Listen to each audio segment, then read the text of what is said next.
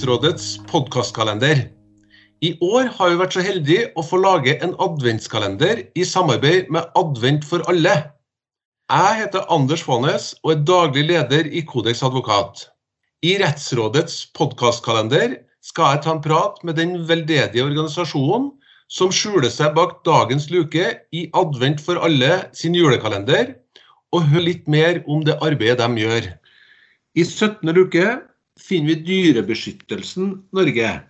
Og jeg har fått med meg Åshild Roalseth og Marianne Lunde, som er daglig leder og lokalavdelingsansvarlig der. OK, eh, vi har allerede kommet inn i desember, og snart er det jul. Eh, og i dag har vi Dyrebeskyttelsen, som vi snakka om. Eh, Marianne og Åshild. Eh, kan ikke dere fortelle litt om Dyrebeskyttelsen? Eh, hva dere gjør og, og hva dere ønsker å oppnå? Sånn innledningsvis. Ja. Eh, Dyrebeskyttelsen Norge er jo den eldste dyrevelferdsorganisasjonen i landet, og kanskje også den eldste i, eh, eller en av de eldste i verden. Eh, som ble opprettet i 1859. Vi var 160 år i fjor. Hmm. Eh, så organisasjonen har jobbet med ulike ting opp igjennom. Eh, man startet å jobbe med velferden til hest. Uh, og så har det vært uh, mye arbeid med velferden til uh, altså, bedøvelse før slakt, f.eks. er en sak man har hatt. Og så har man jobbet mot pelsdyr i bur. Det er en sak som egentlig vi kan nesten si vi har lagt bak oss. og så har vi 27 lokalavdelinger fra nord til sør. Og de har, det er jo vårt apparat for å yte praktisk hjelp til dyr i nød. Så nå jobber jo våre lokaldelinger i veldig stor grad med å hjelpe hjemløse dyr. Og det er det hovedsakelig katt, men også noe hund, kanin, fugl, chinchilla og andre arter. Mm. Og så tar vi faktisk også unna en del dyr fra politiet og Mattilsynet. Eh, og det er jo hvis Mattilsynet eller politiet inndrar dyr fra eier, eller eh, av andre grunner ender opp med dyr, så syns jo vi det er veldig viktig at disse dyrene kan få en ny sjanse. Ja, Fortell litt om det. da. Hvordan gir dere dem en ny sjanse? Da blir de frigitt, og så kan de bli omplassert, da. Og få et nytt, godt hjem? Da de, kan de få et nytt, godt hjem. Mm. Og så er det sånn at vi, vi, er redd for at hvis ikke Når folk varsler om at et dyr ikke har det bra, så blir vi veldig redd for at, uh, at man slutter å varsle hvis det er sånn at dyr må avlives. Så vi mener jo for velferden til alle dyr, så er det veldig viktig at, at uh, den som varsler har en trygghet i at noen vil ta hånd om det dyret. Det vil ikke nødvendigvis bli avlivet fordi man varsler om at et dyr er i nød. Før så var det jo sånn at det var den som var eier av dyret som kunne bestemme over dyret, men nå er det ikke sånn lenger. Nå Nei. får de stort sett en ny sjanse. Jeg ser Marianne også ville si noe her. Nei, jeg ville bare Det er jo så ufint, men jeg ville bare rette litt på deg. fordi at eh, vi har nettopp hatt et landsmøte, så nå er vi 28 lokalavdelinger. Og det er jo en litt sånn gladsak, for vi har fått inn eh, en lokalavdeling i Telemark òg, som vi har eh, Der har vi ikke hatt lokalavdeling tidligere. Eh, og de har eh, hjulpet eh, veldig mange dyr det siste året. Ja. Så det vokser? De er i vekst. Men hvordan eh, opplever dere altså, Det er jo en eh, Det starta med hest, sier du. Eh, er det, er det, er det landbruket og, og skulle kalle det det profesjonelle som er den største utfordringa med, eller er det privatdyrehold? Eh, det er jo litt vanskelig å si. Og så er det jo sånn at lovverket fungerer litt ulikt for ulike arter. Fordi Mattilsynet har laget noen veiledere for hold av de ulike artene. Mm. Sånn at uh, det som måten det er lov å holde gris på, f.eks., er ikke, det er ikke lov å holde hund på samme måte. Nei. Ikke sant? Også, men det er lovlig å holde gris i binger innendørs uh, hele livet deres. Mm. I, I, en binge hvor de bare får veldig lite plass. Det er helt lovlig. Mm. Men det ville jo ikke vært lov for hund. Så hvis man tenker sånn hvor, hvor, er det verst å være dyr, så er det kanskje verst å være dyr i landbruket. Men mm. hvis man leser Mattilsynet sin rapport, så er det flest brudd på lovverket vårt innenfor uh, familiedyr. Ja. Og så er det jo noe med at et lovbrudd innen landbruket rammer kanskje 100 dyr. Mm. Men et lovbrudd i en familie rammer kanskje bare ett dyr. Så det er noe med omfanget og ja. Så Ja. det er vanskelig å si hvor nøden er størst, men det er helt klart eh, vi trenger å, å vi trenger å belønne dy god dyrevelferd i landbruket. Vi må få Mm. til et godt belønningssystem, så de bøndene som, som har eksepsjonelt god drift, blir, får en økonomisk belønning og ikke bare en medalje. De trenger, man trenger å belønne det. Opplever dere at det blir bedre, eller? Ja, øhm, vi ser jo at vi har en økt interesse f.eks. For, for å, at ku og kalv skal få gå sammen. Det er jo Mhm. vanlig å skille ku og kalv eh, tidlig etter fødsel for å, mm, i- innen melkeproduksjonen. Det gjorde man jo fra gammelt av, fordi man ville jo ikke at kalven skulle ta all melka.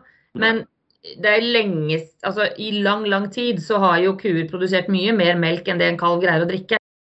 Så handler det vel mest om produksjonssystemer, at det er vanskelig å ha produksjonssystemer som faktisk er tilrett, som tilrettelegger for god dyrevelferd. Mm. Så vi trenger, det er, og, og, og det er veldig vanskelig å få tilskudd, eller bøndene får ikke noe tilskudd for å bygge noe annet enn minimumskrav. Og det er klart, da får vi veldig mange fjøs med minimumskrav, da. Ja. Så vi, vi ser jo at interessen er der både egentlig hos forbrukeren, og interessen er hos bøndene, og interessen er der hos forbrukere. Og så tror jeg ikke vi greier helt å få det økonomiske på plass per i dag. Så vi har en Jeg tror jo at man har en Jeg tror veldig mange tenker at ku og kalv må få gå sammen. Ja. Det er ikke noe bra å skille på, innenfor pattedyr, som er Altså man har Et pattedyr er jo Der skal jo mor gi melk til avkommet sitt og passe på avkommet sitt. Det er jo naturens gang. Mm. Eh, og da, da tror jeg de fleste mennesker mener at eh, det bør vi prøve så godt vi kan å legge til rette til også for produksjonsdyr. Ja. Og at, at man forstår at det gir god velferd, og at vi må ha produksjonssystemer som, som sørger for at vi får til det på en god måte. Og det er dere involvert i? Eh, det i samarbeid med Mattilsynet og andre aktører? Ja, når det gjelder landbruket, så, så eh, der er det jo ikke så mye praktisk vi får gjort. For det, men eh, det vi gjør der, er jo at vi er, bidrar med det vi skriver. Mm. eh, politisk påvirkning, eh, Mm. at vi svarer på høringsuttalelser, Mm. at vi f.eks. arrangerer foredrag. Sånne Mm. ting. Vi prøver å drive med opplysningsarbeid og, og en endring. Mm. Vi får håpe på at det blir bedre i landbruket. Hvordan er det på privatsida da, Marianne? Er det, er det noe bedring der, eller blir det bare verre? Jeg vil ikke si at det er noe bedring eh, sånn sett. fordi at lokalavdelingene våre år etter år så melder de fra om rekordmange dyr som de har tatt inn. Eh, og sprengt kapasitet. Så det, men jeg føler jo at vi er på rett vei da, når det gjelder å plassere litt ansvar og ha mer dialog med kommunene og med eh, lokale mattilsynkontorer for å få til eh, samarbeidsløsninger, sånn at våre frivillige ikke står alene i arbeidet. Da. Eh, så, sånn sett så er det en bedring, men det er fremdeles veldig mange dyr der ute som, eh, som trenger hjelp. Det er det. Å ha, ha dere også lokalt må jo være en, en, eh, en veldig flott ting. Eh, Går det an å bruke dere til det også? Altså jeg tenker på Hvis man lurer på ting knytta til hva, Nå har jeg kjøpt min første hund, hva gjør jeg? Eller en katt, eller hva gjør jeg? Eh, Kan man da også ta kontakt med det lokale? Ja, absolutt. Altså, vi som sitter sentralt, vi jobber jo mye med informasjonsarbeid, men det gjør jo lokalavdelingene våre òg. Ja. Uh, og det er jo slik at når du bor i, i små miljøer, så kjenner jo folk til hverandre. Og det er jo ganske mange av våre frivillige som liksom, De som bor i bygda, vet jo at hun er styreleder i den lokalavdelingen. Og, Ja. og man er veldig på ballen og veldig hjelpsom. Og det er jo ikke til å stikke under en stol at eh, det er generelt litt manglende kunnskap i dette landet eh, om hva som er et godt dyrehold. Ja. Og lokalavdelingen vår går ofte inn eh, i private hjem og bistår når et, f.eks. et kattehold har gått helt over styr og man plutselig sitter der med 50 katter man ikke egentlig ønsker. og, ja, så vi, vi pleier jo å, å hjelpe. Det gjør Ja. vi jo. Ja, Det er vel de færreste som har behov for 50 katter, kanskje? Det var jo, det var jo å ta i litt, da. Men det, det, det forekommer, det òg. Ja, ja, ja. Du, eh, eller dere, da. Eh, fortell eh, noen ting som altså en, Fortell meg en, eller annen sak som dere er stolt av, som dere har fått til, eller en eller annen noe som viser litt hva dere, hva dere gjør, da. Jeg og Åshild eh, har jo snakket litt om hva slags historie vi ønsker å dele med dere. For vi har jo så mange historier i denne organisasjonen her. Det sier jo seg selv med den høye aktiviteten vi har. Ja. Eh, men vi valgte egentlig å fortelle dere om eh, historien som vi var med på nå i april i år. Fordi da ble vi med lokalavdelingen vår i Bodø ut til Røst. da. Og Røst er jo en liten eh, øykommune som ligger eh, helt ytterst i Lofoten. Mm -hmm. Midt i havgapet. Man, det tar vel fire-fem timer å komme seg dit med ferge. Ja. Eh, og det er en veldig liten øy med få innbyggere og et veldig stort problem med forvillede katter. Det vil si katter som per definisjon er hjemløse, eh, som blir matet av Kall det lokale ildsjeler som er glad i katt, og som ikke skjønner skaden av av det de gjør da, ved å, å, mate disse dyrene og la populasjonen florere. Da. Ja. Eh, så Lokalavdelingen vår i Bodø har jo dialog om hvem som faktisk har ansvar for dyrevelferden til disse kattene. Ja. Eh, så dette har vært en ganske lang prosess. De har holdt på med det i mange år, og de har fanget inn mange dyr på den øyen tidligere som har vært veldig syke. Og da tenker man sånn at eh, det er, det er, katter som har fiskeben stikkende ut av munnen, som ikke klarer å spise, som mm. har, har veldig mye innavl og veldig mye sykdom. Um, men i år så fikk vi til et uh, samarbeidsmøte uh, mellom Mattilsynet, uh, kommunen og vår lokalavdeling. Og da mm. kastet jeg Åslås på, for det syns vi var ganske spennende. Ja. Um, og da tok vi den fergen ut og visste ikke helt hvordan dette skulle gå. Uh, vi hadde jo en del innbyggere på Røst som sikkert var ganske fiendtlig innstilt til at vi kom. Fordi at de ja, de skjønte ikke helt hvorfor vi skulle komme der og fange inn katter. Mm. Uh, og vi hadde et mattilsynkontor og en kommune som jeg tror var veldig uenige seg imellom om hvem mm. som hadde ansvar for disse hjemløse dyrene. Ja. Og så måtte vi prøve å finne en pragmatisk, altså vi måtte prøve å finne en løsning for å få slutt på dette her. Uh, så da måtte vi jo først uh, reise rundt og kartlegge disse kartlegge, da, fordi at jeg og Åshild har jo aldri sett disse kattene. Vi har hørt om dem, men hun som er ansvarlig for kattegruppen i, i Bodø, hun tok oss med rundt på en liten kjøretur, sånn at vi kunne se hvor disse store koloniene med, med hjemløse katter var. Det er jo sånn at du, du har det, er, det er sånn, Du har ikke sett en kattekoloni før du har sett den. Du kan høre om det, men uh, når du ser at det florerer av katter, så kan du tenke at de er ganske sky. Så det er ikke bare de du ser, det er jo det er på en måte bare overflaten. Uh, så vi kjørte rundt øyen, så mange katter. Vi hadde ikke tenkt til å ta inn noe dyr der. Det var ikke intensjonen med reisen, det var jo ren eh, politisk tur. Mm. Eh, det endte allikevel opp med at vi måtte ta inn fire kattunger, fordi at de eh, var jo på, altså de, de, de, ville dødd hvis ikke vi tok mm. det med oss i bilen der og da. Mm. Og da var det veldig praktisk å ha med Åshild som er veterinær. Eh, så hun eh, ja, Du kan jo fortelle litt om det, også, men hun sto jo for uh, mesteparten av matingen av disse kattungene. Mm. på oppholdet vårt på Røst. Mm. Mating og forstoppelse og en som trengte væskebehandling. Vi fikk litt av hvert kasta i fanget da, men det, det, er jo bare å ta hånd om det. Mm. Ja, det, viser, det, er jo en flott historie, for det viser jo skulle si, en, en, eh, et problem som kanskje bare får lov til å være der fordi at ingen, ingen, egentlig tar tak i det. Og så det, blir det bare verre og verre, og mm. det angår flere og flere dyr. Og så er det jo også man kan være med og bidra kanskje til en bedre dialog, og så ender man opp med en rent praktisk eh, hjelp.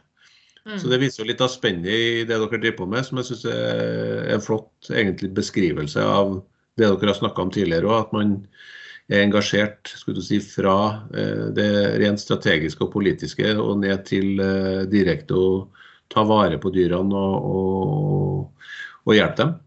Mm. Så det er flott. Vi fikk jo et veldig konstruktivt møte med ordføreren og rådmannen og teknisk eh, sjef i Røst. Og ja. kommunestyret vet jo om dyrevelferdsplan i etterkant. sånn at vi er jo veldig fornøyd med hvordan det samarbeidet der er løst. Og vi har jo en veldig, vi veldig altså Kommunen har um, lagt, altså de, de, har lagt penger på bordet, det er en innsats for å få dette på stell. Og vår lokalavdeling samarbeider godt med kommunen, og da vet vi at problemet blir løst. Men nå har dere jo fortalt så mye eh, om eh, det dere driver på med, og, og eh, ja, eh, hva, hva, det egentlig handler om, eh, det arbeidet som Dyrebeskyttelsen eh, engasjerer seg i. Er det noe som folk kan gjøre, altså som folk bør gjøre, folk i forhold til å engasjere seg i dyrebeskyttelsen, eller hjelpe dere på andre måter? Noe, noe de kan gjøre sånn rent praktisk? Det er Masse. mye. Masse, ja. Det er bra. vi trenger alle slags folk vi i hele landet. For vi trenger noen som kan snekre luftegård, og så trenger vi noen som kan gjøre papirarbeid, og så trenger vi noen som kan rekruttere medlemmer og samle, drive med innsamling, og så trenger vi noen som kan fange inn katter, og så trenger vi noen som kan skrive i avis. Altså, vi trenger folk til alt, vi. Ja. Så folk som er engasjert i dyrevelferd, kan bare kontakte vår lokaldeling, eller for så vidt oss sentralt også, så kan vi bistå og peke i riktig retning det er altfor mange oppgaver i forhold til hva vi greier å løse. Ja. Og man trenger, og man trenger ikke å, å, se for seg at det blir en heltidsjobb. Man kan jo selv styre hvor mye man kan bidra. ikke sant? Og hva, hvilken oppgave man kan, det er sånn, Jeg kan bygge luftegård, men jeg kan ikke dra på, kan ikke fange inn katter på natta og hele helgen. Det må jo være, ikke sant? Det, og noen, vi trenger, noen steder trenger vi sjåfører til å kjøre dyr til veterinær og hente dem hos veterinær. og mm. ikke sant? Så vi, vi har så, eller transportere fôr rundt omkring i landet trenger vi. Og vi har hundrevis av oppgaver som vi trenger hjelp med. Så alle kan hjelpe. Altså det som hadde hjulpet veldig, var jo også hvis folk bare kastrerte og ID-merket kattene sine. Ja. det hadde vært til stor hjelp. Det ønsker vi oss. Det kan være et, et, et, et viktig bidrag. Jeg tenker at vi skal begynne å avslutte. Ehm, jeg syns det har vært uh, kjempespennende. Og det er jo litt sånn uh, jeg nå, For tida så har jeg ikke noe dyr uh, sjøl, men uh, jeg har jo hatt det før. og så man går ikke og tenker på det her hver eneste dag, men det er klart at de, de her dyrene som ikke har noen eier, som dere snakker om, mm. selvfølgelig også de andre dyrene som kanskje ikke blir behandla på den måten de skal behandles på, eller ikke får den omsorgen som de trenger, eh, det er noe som vi definitivt i et sånt land som, eh, som vi bor i, burde ha et, et, stort fokus på.